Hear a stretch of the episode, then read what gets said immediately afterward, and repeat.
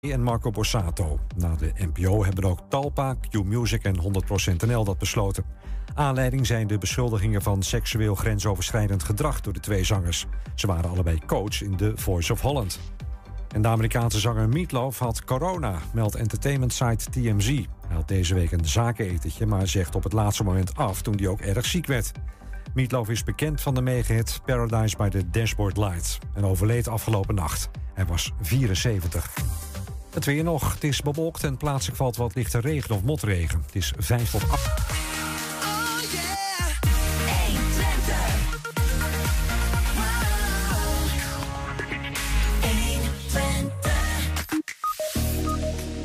Talamini, de Marktstraat, Enschede, das war eenmaal. Na 50 jaar sluit de ijssalon haar deuren.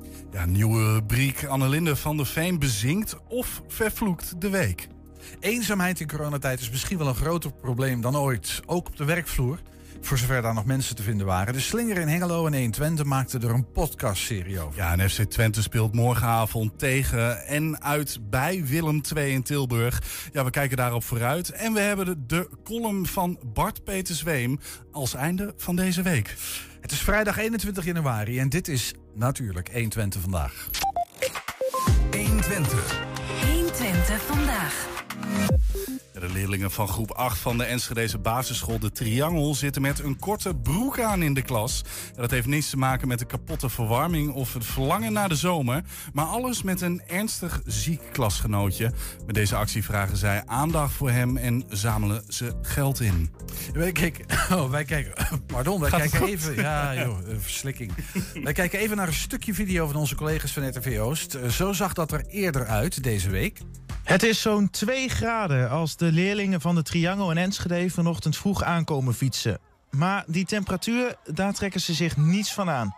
Bijna alle leerlingen lopen namelijk met een korte broek over het schoolplein. Kika Korte Broeken actie. En dat is een actie dat je één of meerdere dagen in een week in de korte broek gaat. De actie is door Mart georganiseerd omdat een van zijn klasgenootjes een zeldzame vorm van kanker heeft hij zit al sinds groep 1 zit hij bij ons in de klas. En we maken ook uh, heel vaak iets voor hem. En om uh, een beetje hem uh, te helpen. Deze tijd heeft hij het heel zwaar. Want hij moet um, ja, hele zware kuren en alles doen. En dat vind ik super zielig voor hem. Het raakt ons allemaal en uh, de kinderen ook natuurlijk. Die zijn er dagelijks mee bezig. En daardoor is het gewoon uh, ja, super dat ze zo fanatiek zijn. En de aanleiding is natuurlijk minder. Maar ja, het doel Kika is gewoon een fantastisch doel om, uh, om geld voor in te zamelen. De zus van de zieke jongen vindt het een hele mooie actie... en is blij dat iedereen meedoet. Ze hoopt dat het geld goed gebruikt wordt. Om te weten eigenlijk wat kanker is. En misschien om het weg te kunnen halen. Ja, waarom een korte broek? We vragen het Mart Geesing, uh, die het initiatief van deze actie uh, nam. Mart is hier, maar zijn moeder en uh, Marije en zijn zus Mout zitten in de vensterbank. Dat onzichtbaar, mocht ik eigenlijk niet zeggen, maar lekker toch gedaan. hey Mart, welkom. Hartstikke leuk dat je er bent. Ja, ja bedankt. Ik, ik, begin maar even met die vraag. korte broek, hoezo? Waarom een korte broek? Ja, omdat onze klasgenootje kanker heeft. En ja, wat, wat we al zeiden, dat vinden wij heel zielig voor hem. Mm en uh, daarom doen we een korte broek. Want uh, Kika Korte Broek actie, dat is een actie waarmee je één of meerdere dagen in de week in de korte broek gaat lopen. En uh, Kika is voor onderzoek naar kinderkanker. En daarom doen wij de korte broek aan met de klas. Ik probeer het toch even, want je had van alles kunnen, kunnen doen. Heeft, heeft die korte broek nog een speciale betekenis? Gaat het ergens over? Of weet je dat niet precies? Nee, dat weet ik eigenlijk niet precies. Nee. Hey, en jullie klasgenootje, dat is Lennart, hè? die is ja. uh, heel ziek, uh, begrijpen. Wat, wat heeft hij precies? Een vorm van kanker? Ja, hij heeft de kanker neuroblastoom. En dat is een ernstige vorm van kanker. En, hoe lang heeft hij dat al, weet je? Want hij zit vanaf groep 1 bij jullie in de klas, ja, mij, in groep 1 heeft hij het gekregen. Daarna in groep, uh, in groep 3 en nu weer in groep 8. Oh joh, dus hij heeft het gewoon een paar keer gehad. Ja. En ja, je zit nou in groep 8. Ja. Ja, precies. En hij heeft het nu weer gekregen. Ja. En uh, ligt hij op dit moment in het ziekenhuis? Is dat... Hij ligt nu op het, in het ziekenhuis en hij krijgt nu zware behandelingen. Mm -hmm. En dat was voor jullie de reden om te zeggen, of voor jou de reden om te denken, nou moeten we even weer wat voor hem doen. Ja. Snap ik. Want jij, jij bent ook jij bent bevriend met hem, hè? Ja, hij woont bij ons uh, in de buurt. En uh, ik, ken hem al heel, ik ken hem heel goed. Ja, snap ik. En hij ligt in het ziekenhuis. Hoe, hoe gaat het met hem? Weet je dat? Nee, dat weet ik niet. Nee. Waarschijnlijk heel slecht. Ja. Mag je op bezoek of mag dat niet? Eh, nee, dat kan niet. Nee. Oké, hij, hij ligt daar gewoon echt eh, in zijn. He- heb je enig idee of hij weet wat je, dat jullie deze actie voor hem doen ja, en zo? Dat hij weet doet hij zelf ook mee. Ja, oh, hij doet zelf ook mee. Ja, ik weet niet of met de korte broek, maar in de actie van eh, onze klas wel. Ja, hey, wat gaaf. Hey, en hoe gaat het met de actie? Het, gaat, heel goed. Het, we hebben al bijna 8000 euro eh, binnengehaald. Ja. En dat gaat dus dan allemaal naar Kika. En eh, ik ben echt heel blij dat, het, eh, dat we al bijna 8000 euro hebben. Maar we hopen natuurlijk op de 10.000 euro. Ja, maar dat is je doel, hè? Je wil Ja. richting de 10.000 euro. Het liefst nog wat meer, toch? Ja, Als we nou toch bezig zijn, dan mag Ja. er wel wat meer binnenkomen nog. Ja. Hey, ho- ho- hoe lang zijn jullie nou bezig met die actie? Want die 8000 euro, in hoeveel tijd? Mm, ik denk in een maand. Oké, dat is, gaat lekker hard, man. En hoe lang ga je nog door? Eh, dat weet ik niet. Jij bent de baas. Ja, ik denk nog één of twee weken. En, en als, als we nou eens even kijken naar bijvoorbeeld de, de, de, de kinderen in jouw klas. Hoe, hoe reageren ze er allemaal op dat, ze, dat, dat jullie dat allemaal samen doen? Wat zijn een beetje de reacties? Eh, de- ze vinden het leuk en eerst dachten ze van de korte broek lopen, nou dat wil ik niet, het is hartstikke koud. Ja. Dacht, dat dachten ook heel veel andere kinderen toen ik eh, de klasse rondging. Maar nu zijn toch bijna de hele school in de korte broek. Ja, goed is dat, hè? Dus ja, eigenlijk doet iedereen mee. Ja, bijna wel, ja. Hey, is- de- de- ik vroeg me het ook even af. Is dit voor het eerst dat jij zo dichtbij meemaakt dat iemand echt heel erg ziek is? Nee. Heb je dat? niet. Nou, Oké, dat heb je heel vaker meegemaakt. Nee, Oh, dat, is, wil... dat heb je nooit eerder meegemaakt. Nee. Dat lijkt me super heftig. Als iemand, Ja. bedoel, je bent nog hartstikke jong. Dat geldt voor Lennart dan natuurlijk ook. Hoe oud ben je? Ik ben elf. Ja, dat moet dan wel 11 of 12 hè, als je in groep 8 zit. Wat doet dat met jou, joh? Ja, ik, ik, eh, ik voel me gewoon een beetje verdrietig. Ja, ik vind het ook heel zielig voor hem. Want je wil niet dat hij ineens doodgaat. In, en dat je gewoon midden in het schooljaar zit. En dat je dan een lege plek in je klas hebt. Nee, dus er moet echt wel.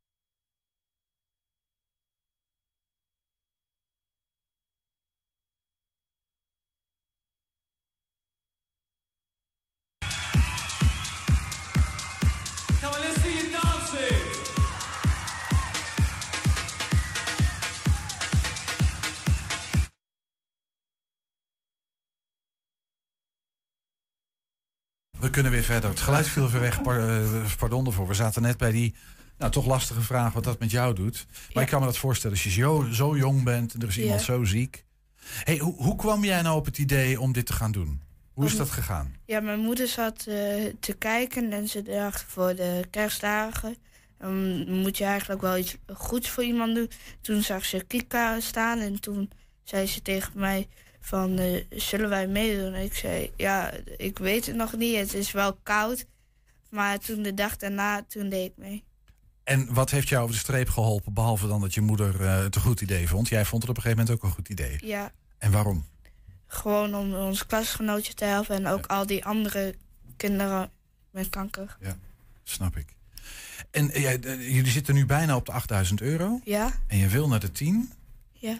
Dus eh, we hopen dat er nog heel veel mensen geld doneren. Ja, precies. En we waren ook nog even bij die vraag van hoe lang gaan we nog door? Dus je, je weet het niet, één of twee weken. Ja. Nou, als jij de baas bent, zeg je gewoon, we gaan nog twee weken door, want we willen naar die 10, toch? Ja. Laten we dat doen. Hey, en en ehm, hoe, eh, heb, want ik vroeg me af, hè, Lennart weet dat deze actie speelt. Ja. Heeft hij, weet je of hij iets gezien heeft van wat jullie aan het doen zijn? Van die, weet je, die video van RTV Oost of zo? Heeft hij dat gezien? Ja, ik denk het wel, ja. Ja, dat denk ik eigenlijk ook. Misschien kijkt hij nu ook wel. Ja, ik lijkt hoop het. Hoe kunnen mensen een bijdrage leveren? Wat kunnen ze Dan doen? eh naar kikakortebroek.nl Ja? en dan eh, kom je bij de website en dan moet je naar onder bij een zoekbalk naar dan toppers invullen. En dan kom je bij onze klas, eh, eh, de 8B toppers triangel, Right. iets.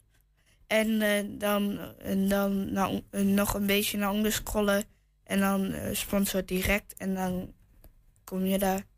Dus naar Kika Kortebroeken, actie.nl. Ja, En dan naar die toppers van Ja. de Triangel in Enschede. ja, Want dan kun je precies zien ook wat jullie actie heeft opgeleverd. Hè? Dus iedereen, ik eh, roep ook al mijn collega's op en iedereen die luistert en kijkt en hoort, dit is waar je wezen moet. Ja. En help Mart richting die 10.000 euro. Dat ja, lijkt me een goed we plan. hopen dat eh, we bij de 10.000 euro komen. Ja. Ja, dat hoop ik ook. Nou, volgens mij moet dat gaan lukken. Dat, eh, de- de- de- dat daar gaan we gewoon voor. Ja. Lijkt me gaaf. hey, stel nou, eh, Mart, dat eh Lennart kijkt. Ja. Wat zou je tegen hem willen zeggen? Je hebt nu eh, een kans. Succes met alle behandelingen en ik hoop dat je snel weer terug de klas in komt. Ja, dat hopen wij ook. Dankjewel, Mart, dat je hier Ja. was. Fijn. Ja, want eh, zometeen gaan we het hebben over de cake op de week van liedjesmaker Annelinde van der Veen. En eh, deze week gaan we voor het eerst beginnen met, eh, met, ja, met dit nieuwe... nieuw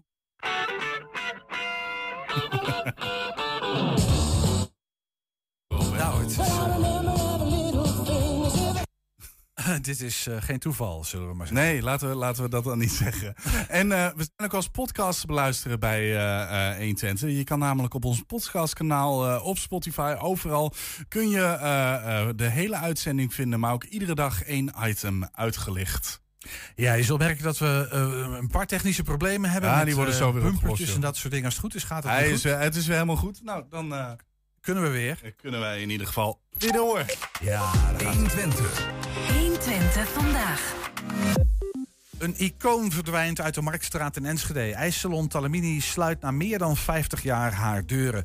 Het begon in 1933 in Tilburg en in 1965 streken de Italiaanse ijsdraaiers neer in Enschede. Maar deze zomer en alle zomers daarna zullen wij in Enschede het zonder ijs van Talamini moeten doen. Ja, en collega Niels haalde de eh, herinneringen op met eigenaren Angelo en Riccardo Talamini. En sprak met hen over hun afscheid. Welkom beiden. Dank je. Ja, wat, wat doen jullie ons aan, Ricardo? Eh, nou ja, ook een beetje wat we onszelf aandoen. Maar ja, ik, zei, ik heb ergens een keer gezegd, eh, aan alles komt een eind. En dat betekent niet dat een eind komt aan Talamini... en niet dat er een eind komt aan ijs... maar wel aan eh Talamini ijs aan de Marktstraat. Daar komt een eind aan. We hebben nog wat, wat eh, foto's van hoe het pand er toen eh, uitzag. Dit is eh, bij de opening. hè. En er was ook een feestelijke receptie bij. Wie waren daar? We, we hebben er een foto van. Wie waren er allemaal op die receptie? Nou, mijn vrouw. En eh, wat familie U heeft het vak van uw vader van mijn geleerd, vader geleerd. Piero. Ja. Eh, we hebben ook nog een foto van hem. Dan, dan gaan we nog een stapje terug in de tijd. Dat is, eh, eigenlijk zoals het begon. Ehm, eh, wie, wie is het op deze foto? Rechtsbovenin, 1933. Da- Daarna is er nog heel veel gebeurd. Maar toen had hij toen alleen maar zo'n zo'n kar? Ja. Dat was, het- hij had geen vaste zaak of wat Nee, een karretje. En toen heeft hij, ik geloof dat hij twee karretjes had. En had hij iemand, ja, een personeelslid, die ook met een karretje reed en hij. Mhm. En toen is hij begonnen aan de vismarkt. Oh nee, wacht even. In de volksmond in Bergen op Zoom was het de vismarkt, maar het was Sint-Catrinaplein. Eh, In Bergen op Zoom. Eh, Daar ben ik ook geboren. In 1954 van school af kwam in Italië. Ben ik compagnon met mijn vader geworden. En in 62 is mijn vader overleden. We hebben het compagnonschap voortgezet met mijn moeder. En dan heb ik dus nog wat jaren, eh, tot 65.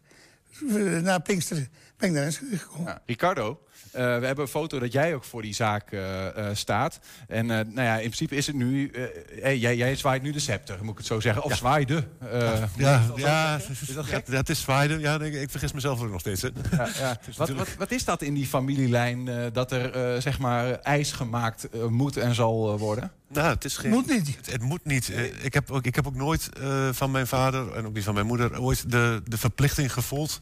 Sterker nog, ik denk dat mijn vader altijd heel erg heeft gepusht dat ik wat anders moest gaan leren. Want ijs maken kon ik altijd wel van hem leren. Dus leer eerst een ander vak.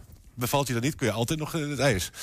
Maar ja, ik, eh, er zullen mensen dat onderschrijven dat ik nog wel eens eigenwijs kan zijn. Ik was volgens mij vier toen ik riep dat ik een ijssalon wou. Dus ja, en studeren was nog niet helemaal mijn, eh, mijn sterkste kant. Dus Nou begrijp ik dat jij hebt eh, kinderen. Ja. En die hebben ook al het woord ijs. eh, nou, die zullen van ijs houden, maar die hebben ook al het woord eh, ijs. Ik wil ijssalon eh, medewerker of ik wil ook een ijssalon in de Nou, mond. ze hadden het zelfs al opgedeeld. De een wou het ijs verkopen en de ander wou het ijs maken. ja, weet je, mijn kinderen zijn tien en acht. Ja. Om daar nou helemaal... Ja, en we- ik zeg, ik ben nog niet klaar met ijs, dus... Waarom ga je stoppen dan eigenlijk? Nou, omdat eigenlijk, ja...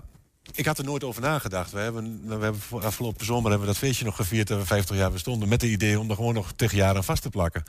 En ik werd op een gegeven moment gebeld door een horecamakelaar. Die had mensen die waren geïnteresseerd in, in ons pand. Nou, mijn vaders gezondheid gaat helaas, maar helaas, is 82. Ja, wel helaas, maar is ook logisch dat hij wat achteruit gaat.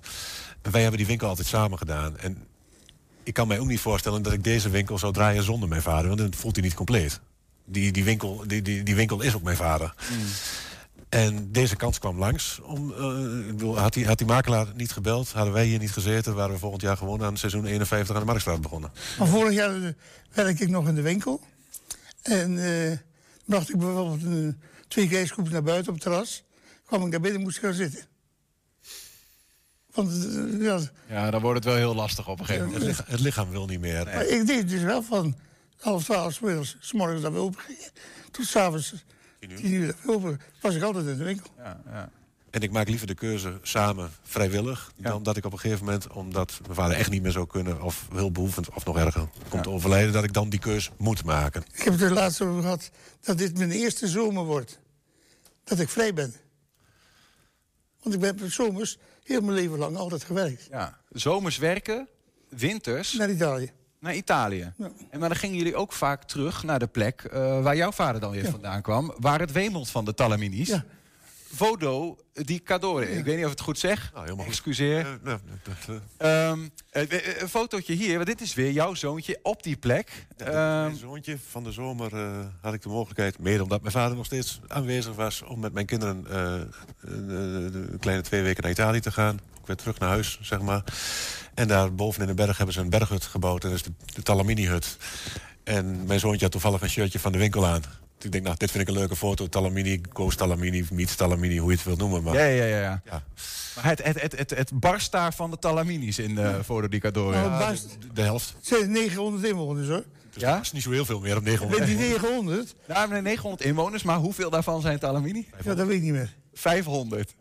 Nou, 400. Oh, misschien over minder. Ja. was meer geweest. Wel de, over, de overdosis. Ja, jij vertelde een mooi verhaal over hoe ze elkaar dan uit elkaar houden... om te bepalen wie welke Talamini je krijgt, een bij, je krijgt een familiebijnaam. Wij hebben als bijnaam Chiro, dus Talamini, Chiro. Want dan weten ze wie het zijn. We hadden op een gegeven moment... Bij mij in het dorp wonen drie Ricardo Talaminis. Ik zei, dan ga, ik, dan, ga je kijken, nou, dan ga je kijken naar de straat waar hij woont. Maar ja, twee van die twee, Ricardo Talaminis wonen in dezelfde straat. Ik en nog eentje. Dan zeg je, ah, maar die ene die in Nederland staat. Ja, beide zaten in Nederland. Dus zonder die bijnaam ga je de mensen dus echt gewoon niet uit elkaar houden. Ja. De Talaminis hebben op een gegeven moment, je hebt, eh, uit hetzelfde dorp heb je La Venetia. Je zag net de foto van mijn opa, die had La Venetia op zijn ijskarretje staan. Ja. Nou, de Talaminis hebben op een gegeven moment uh, de, hun achternaam ook als handelsnaam genomen. Dus daardoor is Talamini als achternaam ook een begrip geworden. Maar, in het oosten van het land.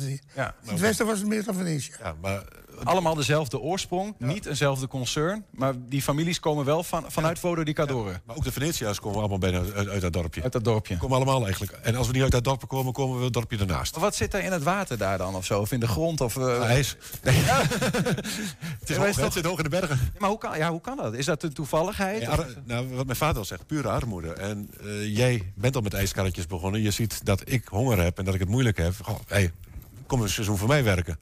Dan dan doe ik dat één seizoen en twee seizoen. Dan denk ik, ja, misschien kan ik dat ook wel voor mezelf doen. Maar ook voor mezelf heb ik weer personeel nodig. Neem ik mijn buurman weer mee. En zo deed dat wel uit. En de Nederlanders, uh, die smulden ervan. Wat is dat geheim? Uh, want ik heb, ik heb wel zoiets gelezen. Je zegt, ja, wij werken met echte uh, producten. Ik moet in eerste instantie moet ik een lekker ijsje maken. Daarna moet ik het ook verkopen.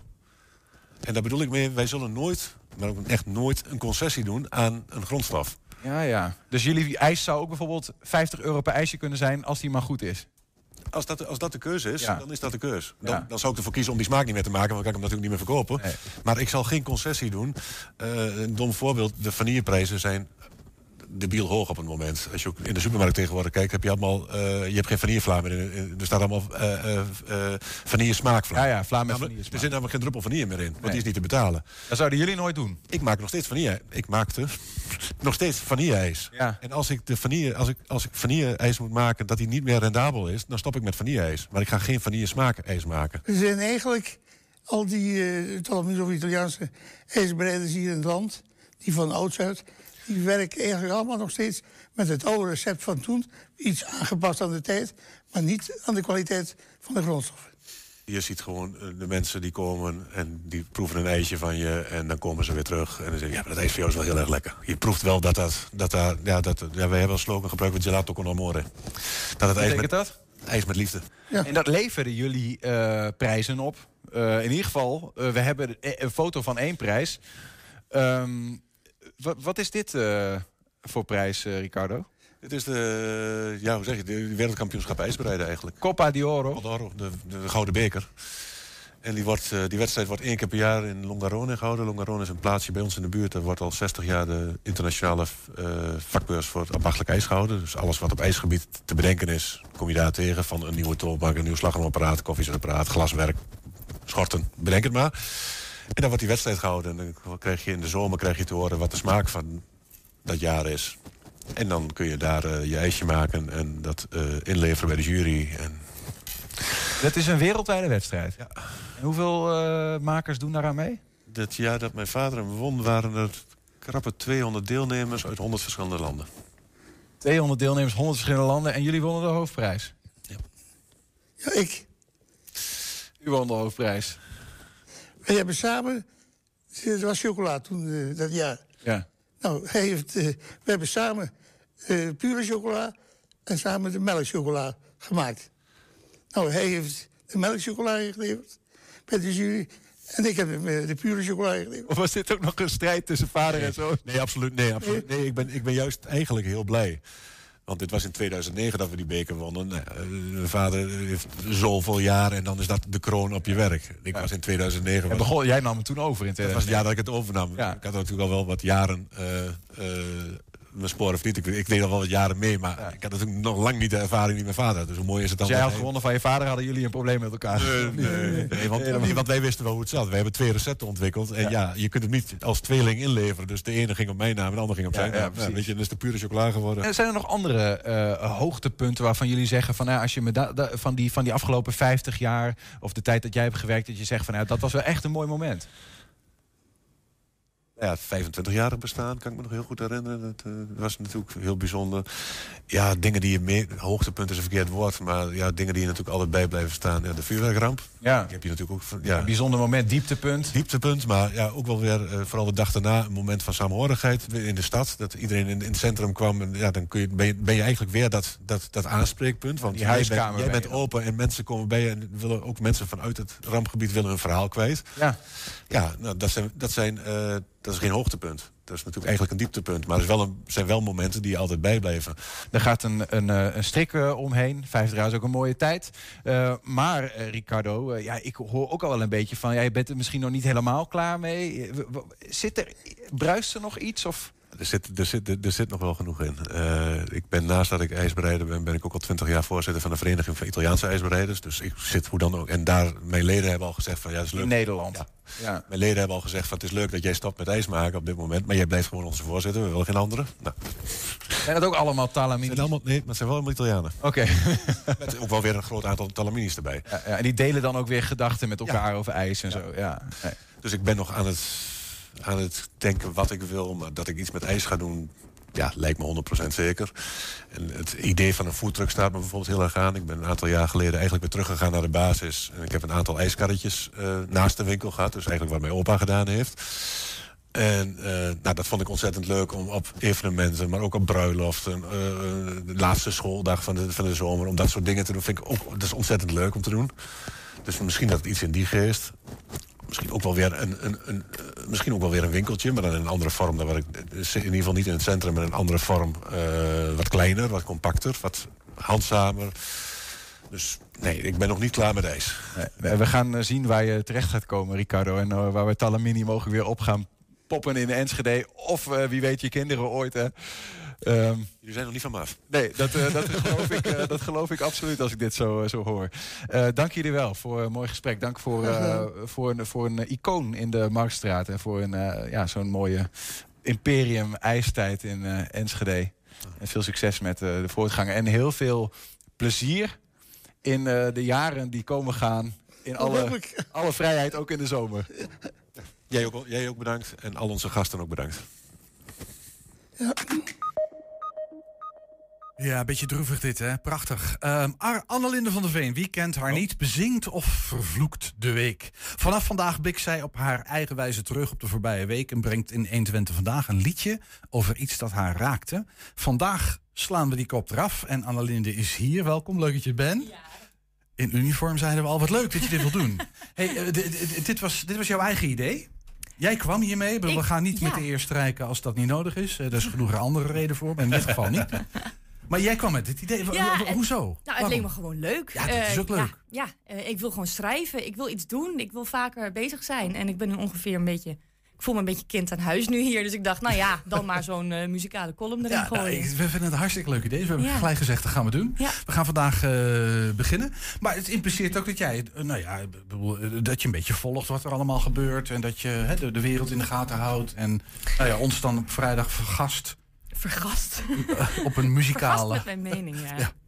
Ja. ik vind het, uh, ja, ik vind ergens wel wat van, ja, inderdaad. En, uh, verbaast mij ook niet. Uh, jou een klein beetje kennende. Ja, maar goed, het is altijd de vraag welke kant ik dan ergens van vind. En dat laat ik graag in het midden. Oh. Is, is dat omdat je dat zelf nog niet weet? Of dat je ons oh, nog... Oh nee, ik weet het heel goed. Ja. Ja, nee, ik weet het heel goed. Maar anti zijn heeft volgens mij nog nooit iemand verder gebracht. Dus ik doe het liever met een knipoog. Um, dan met iets anders. De kwikslag. Ja.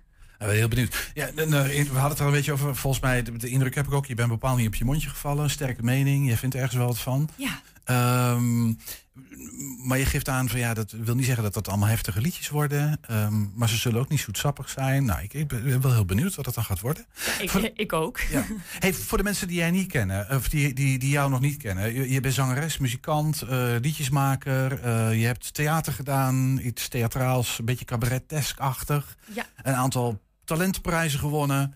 Ja. Um, ga door, ga door. Ja, ja, ja precies. maar, maar, maar jij bent moeder geworden, eh, in het kwadraat zelfs. En jij bent met een opleiding bezig. Je zit hier ook in uniform. Ja, ik zit hier in een prachtig uh, mooie engelen wit uniform. Ja, uh, want uh, nood, nood, breekt wet. Ja. Ik ben nu kraamzorg ingegaan. Dat vind ik overigens heel erg leuk hoor. En er worden gelukkig altijd baby's geboren. Maar dit is puur omdat het, de, de cultuur nu dicht zit. Ja, oké. Ja. Dus echt uit nood geboren, letterlijk, zoals je dat zegt. Uit nood geboren, ja. Want ik vroeg me af, is, is, is dit ook een beetje van... Nou ja, je, je bent heel erg een theatermens, toch, vind ik. Ik heb je een aantal keren gezien. Ja. Um, ja, jij wil, jij wil een verhaal vertellen aan publiek. Zeker, ja. Dat is absoluut. echt ding. Dat krijg je er niet uit. Nee. nee. Nee, Misschien dus, word ik ook dus, wel een soort zingende kraanverzorger. Nou ja, ik vroeg me dan even af. Daar ging je naartoe, hè? ik, probeer, ik probeer het beeld voor te stellen. Ja. Uh, dus het is geen carrière-switch per se. Nee, nee, nee, nee. Muziek blijft altijd op nummer 1 staan. Ja, precies. Ja. Oké. Okay. Hey, um, op voor een nieuw rondje langs Nederlandse podia dan ook? Is dat, heb, heb je daar, is, is dat want je, je bent ook moeder, hè? En, en, bedoel, ja, maar weet je, het leuke is, ik heb een, ik heb een camper uh, gekocht uh, samen met mijn vriend. En uh, we willen gewoon, we gooien de kinderen achterin en we gaan. En uh, kraamzorg kan je overal in het land doen, overal in de wereld doen. Um, dus ik zie alleen maar mogelijkheden. Ja, dat vind ik toch een beetje, dat klinkt als een soort van afscheid. Uh, jij kondigt je afscheid alvast aan. Nee, van nee, maar, in ieder geval. Maar, maar, maar wel even over, over jouw vriend ook. Want je hebt dit natuurlijk ook opgenomen ergens. Want uh, jullie hebben, als, als ik het goed heb genomen, gewoon een hele studio thuis zo. Ja, Apollo, En dan koop je een camper om weg te gaan. Ja, maar Apollo Recording Studio, dat kan ook, dat kan ook mobiel. Dus oh. wij kunnen zelfs aan huis komen. Wij kunnen singer-songwriters opnemen. Het is echt de uh, opnamestudio voor singer-songwriters. Ja. Um, wij kunnen dus aan huis komen. Dus, uh, Want Jullie zijn in het verleden, hebben jullie ook wel eens uh, gewoon, gewoon optredens bij jullie gehad? Eigenlijk een soort van live sessies gehad. Uh, want is dat ook nog iets wat jullie in de toekomst willen doen, jij je, je vriend samen Dion? Nou, het lijkt me super geweldig om gewoon die camper als een soort mobiel, uh, mobiele rijdende cultuurbak door Enschede toerend te hebben zien. met aan de ene kant een bevallende vrouw en aan de andere kant een prachtig optreden van... Mag jij kiezen waar je naar kijkt? Ja. Zie de beeld. Heel natuurlijke bevallingen. Ja, hey, Hoe gaat het met de Sugarbusters? Want jij, daar ben jij ja, ook zo'n multiding. Je, je hangt uh, uh, ukuleles en alles om je nek en je zingt. En, uh, leven de Sugarbusters nog? Is het allemaal ze, nog, ze leven nog wel. Het, het zoete is er wel een beetje vanaf. En iedereen probeert weer zijn draai te vinden. Ja. Ludo, een van de, van de bandleden, die moet ook ongelooflijk hard werken om zijn hoofd boven water te houden. Die is bezig met Invento Perfetto, met alle pizza's bakken. Ehm, het, is, het zijn rare tijden en iemand moet maar op een of andere manier zien te overleven. En of de muziek dan nog um, boven water blijft, is soms een beetje de vraag. En ja, als je geen plek hebt om uh, te mogen zingen, dan um, je wordt dan zelfs uit een kapperszaak weggestuurd. Ik wilde even, mooi dat je het bruggetje maakt, even naar deze week. Want dat was toch wel een dingetje in jouw week. Hè? Jij was een van de artiesten die uh, theater bij kappers, kappers bij ja. theaters, weet ik het, uh, deed. Ja. Uh, en ook bij jou zijn er wel eens langs geweest. En die, uh, ja, dit, we moesten bijna een boete van 4000 euro betalen. Ja, inderdaad. terwijl je gewoon naar de kapper ging. Ja, ik had gewoon een kappersafspraak. Ik had heel toevallig mijn gitaar mee. En ik deed ook heel toevallig mijn mond open. Ja. Uh, en toen ging ik zingen. Ja. ja, wat hou je niet tegen? En dat mag niet. en dat mag niet, nee. Nee, nee het, was een heel, het was heel bizar. je, je merkt ook dat het gewoon een het is, het, het is heel krom allemaal. Um, en ergens uh, is het voor handhavers natuurlijk ook krom om ja. dit te moeten doen. Want hoe triest is het dat jij moet verkondigen dat zo'n kapperzaak die al maanden dicht is en een artiest die überhaupt nog niet mag optreden, een boete van 4000 euro kan krijgen. Ja. Dus ik kan me voorstellen dat zij meteen krommend dit nieuws moeten brengen. Uh, en tegelijkertijd uh, denk ik van jeetje, loop verder alsjeblieft. laat het nou gewoon gebeuren. Het wordt hoog tijd dat, uh, dat de boel weer open gaat. Want nou, dit, uh, dit, dit kost te veel. Ja. ja. En dat is denk ik een mooi bruggetje naar wat jij gemaakt hebt. Nou. Want wat, wat, wat zat ja, maar voordat we dat doen, ben ik, ik wil heel even, want dat vroeg me wel af. Want je hebt een liedje gemaakt, maar nou even niet over het liedje, maar deze week. Ja. Noem eens een ding. Wat, wat, waar heb je druk om gemaakt deze week? Waar heb ik wat heeft je bezig? Ja. Nou ja, het, het grootste uh, ding is natuurlijk dat er van alles open kan. Uh, behalve de cultuur uh, en horeca. Ja. Uh, en dat um, museums die, die heel rustig netjes open kunnen, um, niet open mogen, maar een sekswerker wel op minder dan anderhalve meter mag werken. Ja, dat vind ik super krom. Ja precies. Oké. hey, want je hebt een liedje gemaakt. Wil je er iets over zeggen als introductie? M moeten we iets weten? Is het fijn dat we iets weten? Of zeg nee, je van nou... gewoon, nee, gewoon lekker, gaan, hè? Vooral lekker we laten gaan de, met die banaan. We gaan even de, zeggen. de eerste muzikale column van Annelinde van der Veen.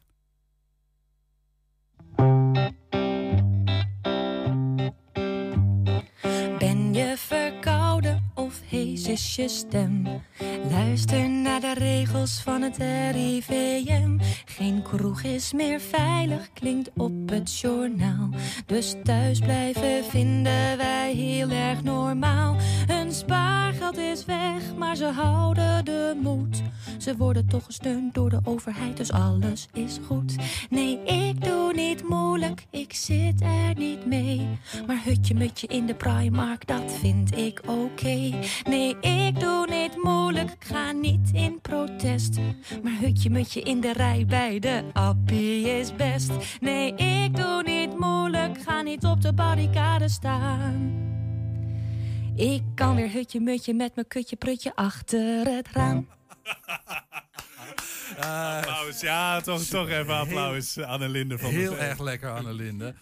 Annelinde van der Veen, dat was uh, vandaag als aftrap. Um, live in de studio ook, dat gaan we niet elke week doen. Uh, dat wordt waarschijnlijk een te grote belasting op jouw agenda. want die is hartstikke druk, overvol, ja, hebben we al gehoord. Gaan we wel eens even bellen. Maar volgende week, ja, we gaan wel even bellen. Dat lijkt me wel leuk. Volgende week wel weer een nieuw liedje. Hey, superleuk dat je er was. En ik, dit was echt heel fijn. Um, dat, laatste, dat laatste regeltje, dat hoop ja, ik maar niet je, dat dat ooit... Uh, je, moet hem, je moet hem Frans keer uh, uitspreken. Het is heel lekker om te doen. ja, dat geloof ik. Hutje, mutje, kutje. Wat was het? Ja, hutje, mutje met mijn kutje, prutje. Achter het raam. niet uitspreken. Je kleurt ervan. Annelinde van der Veen, fantastisch. Dankjewel. Ja, heel leuk dat je dit gaat doen. Week. Tot volgende week. Ja, straks blikken we vooruit op Willem II FC Twente. Want de aftrap is morgenavond om 9 uur. Vraag is of de trots van Tukkerland de Tilburgers van de een net zo koude kermis laten thuiskomen. Als vorige week tegen de Vriezen. 120. 120 vandaag. Ja, corona en de maatregelencarousel hebben het er niet beter op gemaakt. Integendeel, eenzaamheid was al een probleem maar is nu probleem met een hoofdletter geworden misschien wel. Er is niet alleen achter gesloten voordeuren, maar ook op de werkvloer kampen mensen met eenzaamheid, zo blijkt. Maar hoe signaleer je dit? En wat kun je eraan doen? Slinger en Hengelo nam in samenwerking met 120 het initiatief voor een driedelige podcast om antwoord te krijgen op dat soort vragen. 120-presentator Roland Vens en Frank Kerkhart, voorzitter van de Slinger, gaan in gesprek met werkgevers, werknemers en experts. En Frank Kerkhart is bij ons aangeschoven. Goedemiddag. Goedemiddag. Zullen we tu- tutoyeren Ja, of gaan graag. we... Ja? Graag. ja ik, heb allemaal u hier staan en dat wil ik ook best eh, doen. Doe maar gewoon Frank. Zo gaan, ik gaan gaan we dat doen. Eh, voorzitter van de Slinger in Hengelo. Eh, maar ik begrijp, dat, dat, dat is niet eeuwig. Nee, ik ben dat nu negen jaar. Dus statutair moet je dan een keer het stokje overdragen. Dat gaat volgende week, wordt dat bekendgemaakt. Dit is een van mijn laatste acties. Zo. Want daarna zal iemand anders het overnemen. En dat wordt allemaal heel goed gecommuniceerd. Eh, dat zal, ja, ja, ik hoor jou al zeggen dat ik, je gaat niet vertellen wie het dan gaat worden. Maar het is perfect in orde. Een prachtbestuur, een goede voorzitter. En eh, het team staat weer helemaal klaar voor een nieuw jaar. Ja, ik, dat, mooi. dat, dat zal ongetwijfeld. Dat nemen we van je aan. Eh, even goed. eh, komt er nog een afscheid? Ja, dat zal Ja, iets dat gezelligs. komt allemaal wel in orde. Dat gaat gebeuren in het voorjaar. Ja. Hey, dan gaan we even naar die podcast. Ehm, eenzaamheid is natuurlijk een landelijk, maar een internationaal menselijk probleem. En toch kennelijk de behoefte om een lokale podcast te maken. Want dat Ja. is wel wat het is, hè? Precies. Want Waarom? Je, ja, je weet dat eh, eenzaamheid heeft veel aandacht gekregen de laatste jaren. En terecht, want de samenleving is veranderd. Mhm. En we weten het allemaal, oude mensen die helemaal alleen zijn. Verschrikkelijk. Nu in coronatijd heb je veel over de jongeren gehoord. En we hebben toch hier gezien dat in het bedrijfsleven zelf, bij je werknemers, op je werkvloer, daar kan ook eenzaamheid zijn. En dat zijn we ons vaak niet zo bewust. En daar hebben we extra aandacht aan willen geven. Ja, dat gaat echt dus specifiek over eenzaamheid ehm, op de werkvloer. Bij het personeel, bij je eigen personeel, in je eigen bedrijf, bij je collega's. En eh, dat is iets wat vaak helemaal niet bedacht wordt, dat dat ook een belangrijk punt is. Nee, omdat is mensen echt. zitten bij elkaar elke dag, zien elkaar. Dus dan denk je van, die zijn niet eenzaam. Dan denk je, dat valt wel mee. Maar we hebben er dus nu in, zijn er ingedoken. Hoe komt dat? Omdat wat je al zei, dit onderwerp heeft veel belangstelling gekregen de afgelopen jaren. En ook in Hengelo. En de gemeente zei ook tegen ons: zou jullie kunnen helpen om in dat bedrijfsleven ook eens te kijken wat bedrijven doen tegen eenzaamheid? Toen dachten wij: we kennen dat. Er is bijvoorbeeld een supermarkt die heeft een kletskassa. Er zijn natuurlijk bedrijven die bijvoorbeeld eh, die aan huis komen, die ook altijd een beetje een extra antenne hebben om te kijken naar eenzame mensen. Maar zijn bedrijven, klein en groot, zich wel bewust dat bij hun personeel ook eenzaamheid kan zijn? En daar hebben we op ingezoomd en daar zijn verrassende dingen uitgekomen. Oké, nou we gaan het erover hebben natuurlijk. Ehm, he- hebben we een, een beeld van de omvang van het probleem? Ja. Ehm, als je dat in Nederland bekijkt, dan schrik je van. 47% van de mensen in Nederland zegt: Ik ben zo af en toe wel eenzaam. Dat is enorm veel. En hoe, hoe definieer je eenzaam dan? Wat, Ja, wat, wat is eenzaam? Eenzaam is dat mensen zeggen: Ik voel mij alleen, ik sta er alleen voor, ik hoor er niet bij. En, ik voel me, en ik voel mij daar gewoon niet lekker bij. Ik voel dat ik gewoon niet mee mag doen. En dat kan soms eh, een, een, een tijdje zijn. Maar sommige mensen hebben het zeer ernstig. En dat is 11% van de mensen zegt: Ik ben ongelooflijk eh, eh, enorm eenzaam. Heel erg eenzaam. En in Hengelo is dat ook uitgezocht. Is bij ons ongeveer hetzelfde, zelfs nog ietsje erger. Wij zitten op 49% van de mensen die zeggen: af en toe ben ik eenzaam. En ook 11% van hen zegt: ik ben enorm eenzaam. Dat is een groot probleem. En bij de werkenden schatten wij zo in, geen precies onderzoek eh, naar, maar dat toch 40% van de mensen die gewoon werken ook die gevoelens hebben. Ja. Dus het is wel wat. Ongeacht het feit dat je elke dag collega's ziet. Hey, een van de bedrijven waar de aanpak van eenzaamheid hoog op de agenda staat... is eh, Sociaal Werkorganisatie SWB. Ja. Ehm, Betty Nijland heeft meegedaan in jullie podcast. Een van de medewerkers eh, van dat bedrijf. En zij weet precies waar het over gaat. We gaan even luisteren naar een kort fragment uit een van de podcasts. Oh, dat was, eh, ja, dat was niet leuk. Dat was echt wel een ja, donkere periode in mijn leven, zou ik zeggen. Ja. Dat was echt niet leuk. En wat is daar nou niet leuk aan? Nou ja, gewoon, je, je voelt je gewoon niet meer de moeite waard. Eh, ja, je vindt gewoon het leven niet meer leuk. Je denkt gewoon, eh, wat doe ik hier nog? Ja. Niemand vindt me meer leuk. En eh, ik, dring me maar, ik dring me maar niet op aan iedereen.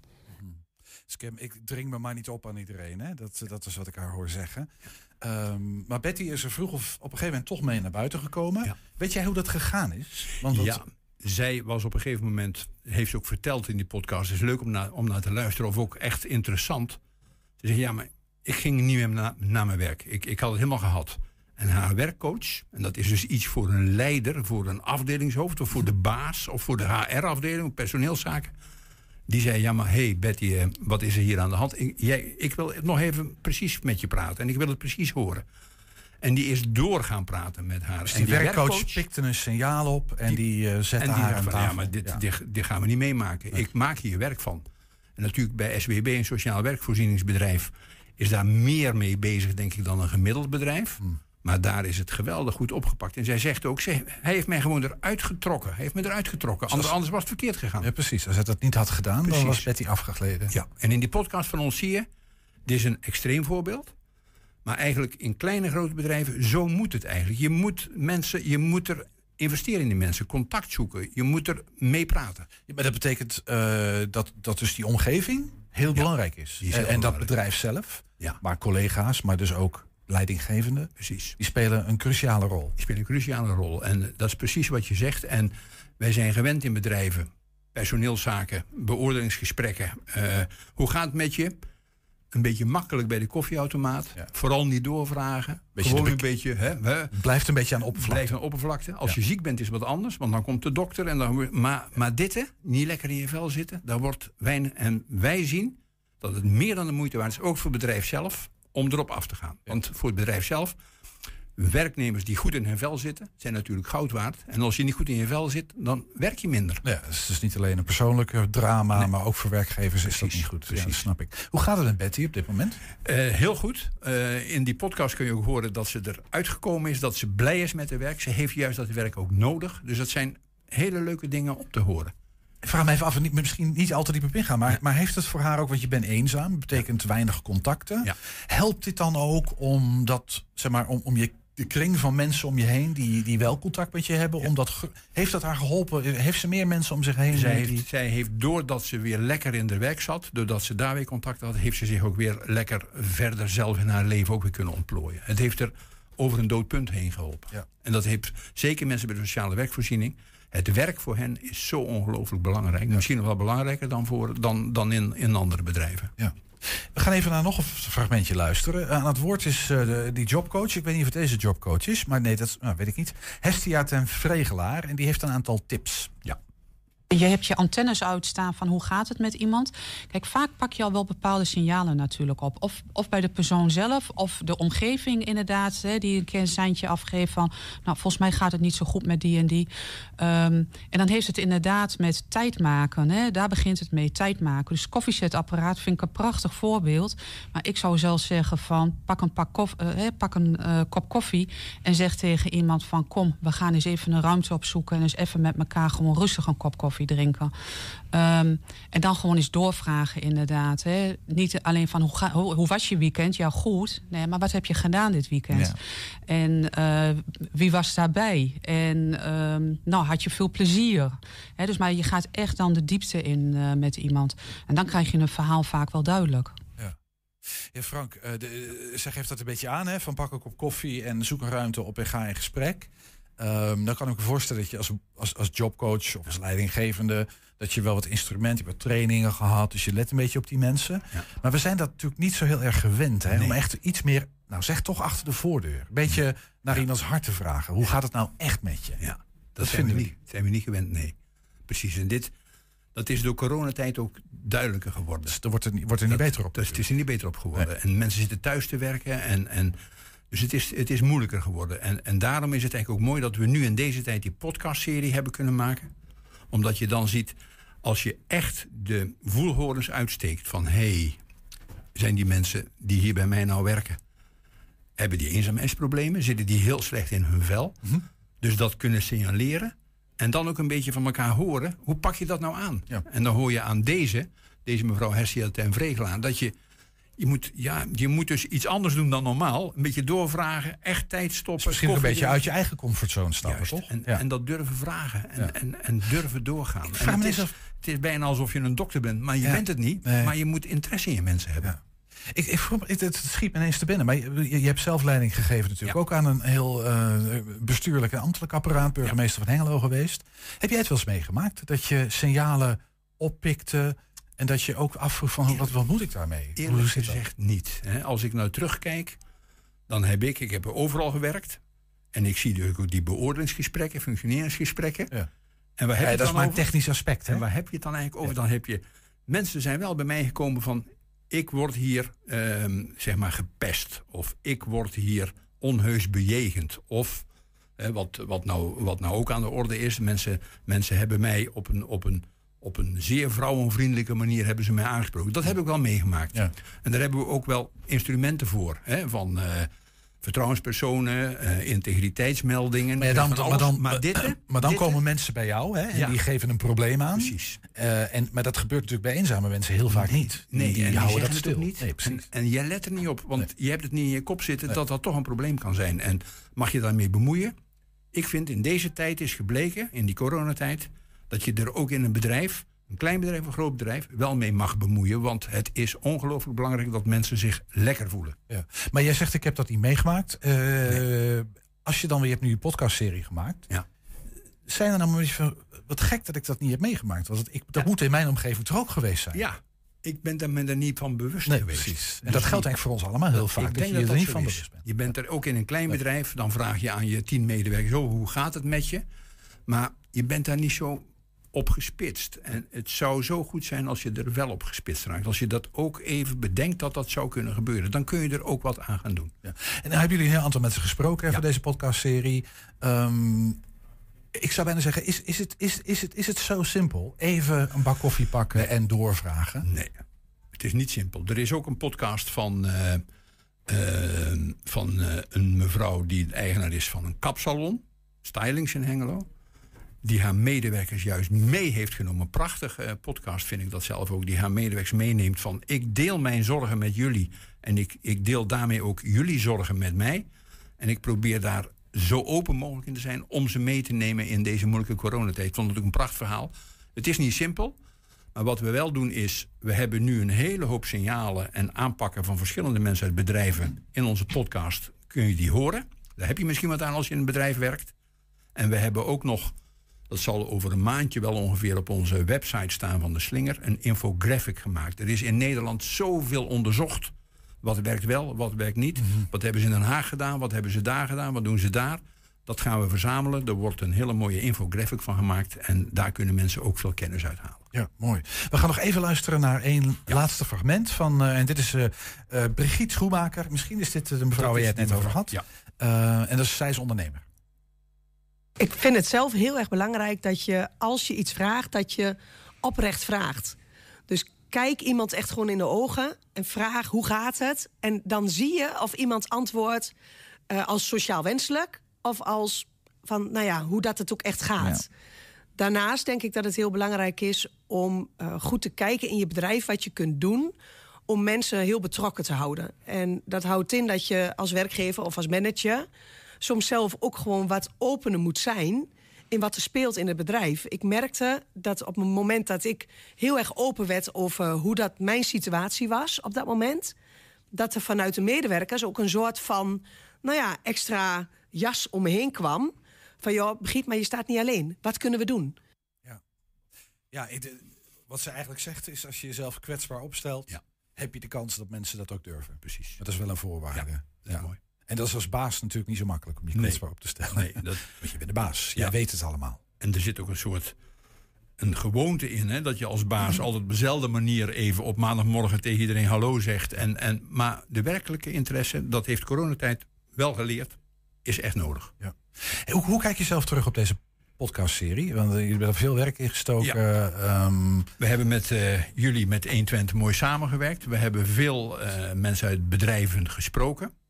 Ik vind het een echt mooie podcast. En eh, het laat je zien dat je er bewust naar moet kijken. En als je het bewust kijkt, zijn er ook aanpakken mogelijk, kun je resultaten boeken. Ja. Ik vind het mooi en, en ik hoop dat mensen uit bedrijven, of per, per- personeelszaken, of, of andere mensen uit bedrijven, dat die er eens naar luisteren. En als ze er ook nog iets willen, over willen melden, graag melden eh, op onze website. Dat zou wel heel mooi zijn. Ja. Frank, we, gaan zo afsluiten. Maar ik, de- ik voel me toch af, en, en, en voor jezelf, want jij, jij, je, je adresseert naar een publiek. Ja. Ben jij spitser geworden op mensen om je heen? Ja, ik ben daar, ik ben daar zelf ook ehm, duidelijker in geworden dat ik om me heen kijk van ja, ik heb me nu gerealiseerd dat dat toch echt een groot probleem is bij een hoop mensen. En eh, je moet er zelf ook in je gewone leven even op letten. Ja, niet alleen op de werkvloer misschien. Dat is omdat de tijd anders is. Vroeger was het natuurlijk allemaal anders, maar nu, nu we allemaal zo alleen ook vaak zijn. En alleen is niet altijd verkeerd hoor. Er zijn een hele hoop mensen die heel blij zijn als ze alleen zijn. Die hoeven helemaal niet meer in een gezin te zitten. Maar als je je eenzaam voelt, is wat anders. Hè? Ja. Waar kunnen we dus de, de, de, de podcastserie vinden en hoe Nou, heet die? Er zijn er drie. En eh, die kun je vinden als je kijkt naar, eh, op onze website www.deslingerhengelo.nl. Mhm. Daar staat een mooi eh, linkje en dan kun je naar de podcast afzonderlijk eh, kijken. Ze zijn via Spotify dan te beluisteren. Dat is hartstikke mooi. Ze staan ook op jullie site, bij 120. Hartstikke leuk. En eh, zo kun je ze pakken. En je kunt dan bij diezelfde website, deslingerhengelo.nl... daar kun je ook een reactietje geven via contact. Dus als je wat te vragen hebt of opmerkingen, graag een reactie. Ja. Nou, eh, we- we- worden het de geraniums, meneer Kerkhart? Want het was nog even voorzitter Voor van mij de niet, want ik ben nog van alles en nog wat aan het doen. Er, moet- er moeten nog meer podcasts komen. en daar heb ik ook voordeel van, van de kennis die ik hier heb opgedaan. En ik hoop ook dat bedrijfsmensen hier... Ik, ik merk ook dat ze het interessant vinden en dat ze er naar luisteren en dat ze er wat mee kunnen doen. Nou, ga hem luisteren op onze website, op de website van de Slinger. Frank Kerkhart was dat. Eh, nog even voorzitter van de Slinger in Hengelo. Dankjewel. Dankjewel. Zometeen Bart Peters W met zijn Cake op de Week. Waarom ook niet? Eh, heb je een tip voor de redactie? Mail dan naar info 120nl 120. 120 vandaag. En na de uitschakeling in het bekertoernooi maakt FC Twente zich op voor de volgende uitdaging in de Eredivisie. Morgenavond gaat de ploeg van Ron Jans op bezoek bij Willem II. Ja, die eh, verkeren in een lastige situatie. De Tilburgers zijn afgezakt naar de onderste regionen van de ranglijst. En inmiddels verwikkeld in de strijd voor lijfsbehoud. Hoe is de sfeer eh, na de bekeruitschakeling hier?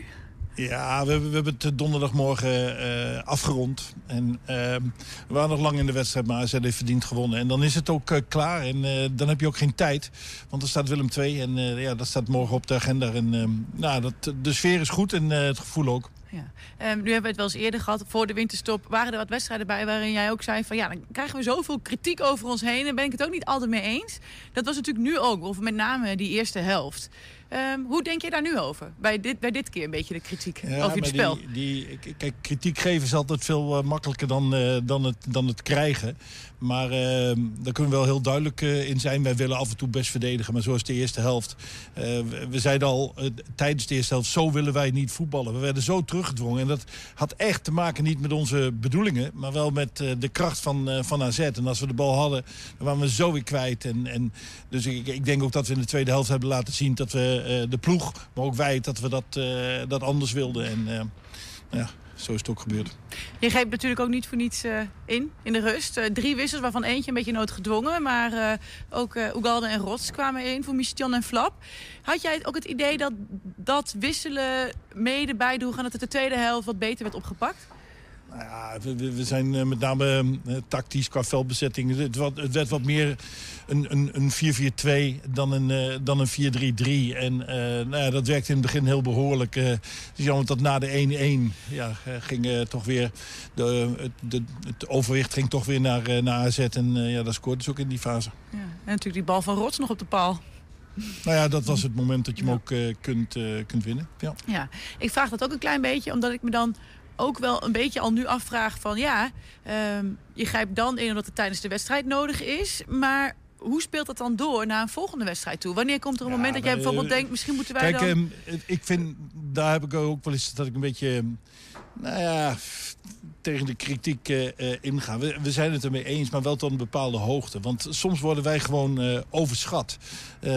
Wat wij onderdrukken in kleine ruimtes. we hebben echt een hele goede selectie, maar kwaliteit en de kracht van ons ligt meer in andere dingen. En eh, dus, dus soms vind ik ook dat wij, wij, wij zijn nog helaas niet in staat om, eh, om de topploegen... Om, om daar heel veel de vrije man te vinden en eronder uit te spelen. Maar we zijn wel in staat om ze tegen te houden... en ze ook eh, af en toe te verslaan. En, ja, dat, dat, dat besef, dat vind ik, dat, dat, dat daalt soms nog wat langzaam in. Ja, ik bedoel ook een klein beetje... mm, wanneer kom je dan op een punt dat je misschien ook je opstelling... eh, nou ja, die veranderingen die je er nou in de rust toevoegt... Ja, dat je maar denkt dat Willem moment... II kun je gewoon totaal niet vergelijken met AZ. Nee.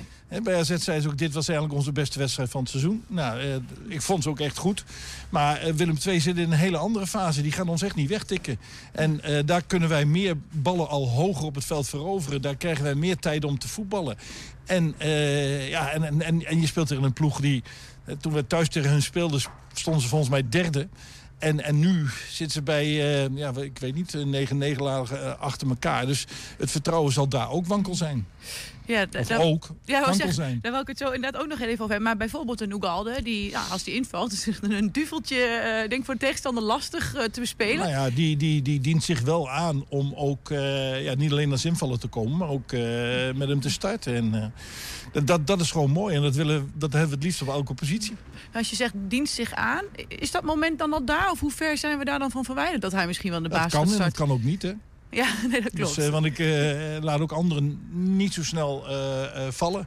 Dus wat, dat, wat dat betreft Um, zul je het morgen weer zien. Maar ja. ja. het kan, elke wedstrijd kan het ook uh, kan het weer anders zijn. Nee, want soms laat jij wel iets los, soms niet. Maar kunnen we wat dat betreft dan een verrassing verwachten? Even proberen hoeveel jij nu los wil laten. Um, volgende vraag maar, hè. Oké. Okay. Um, dan, ik noem nog even één wissel was noodgedwongen. Mees Hilgers. Ja. Hoe is dat nou, Daar zijn we wel heel, heel blij mee. Want hij had echt uh, de symptomen van uh, niet kunnen focussen, duizelig. Af en toe werd het even zwart.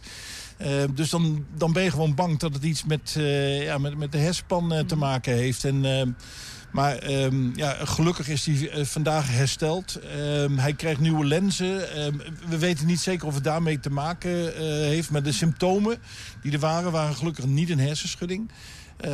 Maar wel even, even, even duizelig. En, dus hij is, gelukkig is hij weer, weer inzetbaar. Ook, ook om te starten? Ja, Gewoon, ja.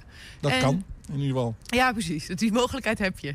Um, dan is natuurlijk even de vraag. Jullie hebben toch een beroep aangetekend tegen die schorsingen van Sadilek. Waardoor hij, omdat het beroep dan loopt, mee kon doen tegen AZ. Wat is daar nu de stand van zaken in? Weet jij daar iets van? Ja, nou, ik, ik verbaas me nog steeds over dat... Wij, vinden gewoon dat de straf te zwaar is. En dan gaan we tegen, tegen in. Nou, dan bleef de straf slaan en dan ga, staan en dan gaan we in beroep. Maar dat dat uh, op deze data is, ja, dan kan FC Twente en wij niks aan doen. Dus, uh, maar die, die, ja, die kan morgen gewoon weer spelen. En okay. wanneer de zaak dient, uh, ja, misschien volgende week, maar dat weten we nog niet eens. Dus, nee, die zaak gaat in ieder geval niet vooraf dienen, waardoor hij in ieder geval morgen er weer bij is. Maar dat kan ook niet meer. Nee. Dus als je dat doet, dan moet dat op uiterlijk vrijdagmorgen bekend zijn. Ja. Tot, ja, misschien heeft tot slot een beetje de update. Um, ja, Rami Saruki, kunnen we natuurlijk niet helemaal ja. omheen. Ja. Een, een, nou, ik denk toch wel wat teleurstellend toernooi... doordat hij de eerste wedstrijd niet mee kon doen. Uitgeschakeld nu. Wanneer verwachten jullie hem terug? Um, ik sluit niet uit dat hij morgen gewoon bij de wedstrijdselectie zit. Ik okay. heb gisteravond even contact met hem gehad. En het is, het is, niet iets wat teleurstellend. Nee, het is gewoon een, um, een droom die niet uit is gekomen. Um, hij heeft de eerste wedstrijden moeten missen. En dan kom je erin. En, en ze liggen er al uit als regerend kampioen van Afrika. En dat is een enorme teleurstelling. Alleen, uh, hij zei zelf al uh, van, uh, wat denkt u van zaterdag? Ik zeg, nou, als jij fris en uitgerust bent... dan neem ik je gewoon op in de wedstrijdselectie. Alleen, um, toen moest hij nog allemaal regelen wanneer en hoe laat hij terugkomt. En, dus we moeten nog even contact hebben. Maar dat, voor ons is het goed. En ik hoop dat hij weer ja, fris. Want mentaal zal het ook wel iets met hem hebben gedaan. Hè? Ik zag nog dat hij de tranen in zijn ogen ja. had na afloop. Hij heeft ook in de wedstrijd... Uh, en gooit nog wat, wat aardige tackles uit. Ja, hij heeft er echt alles aan gedaan. Mm -hmm.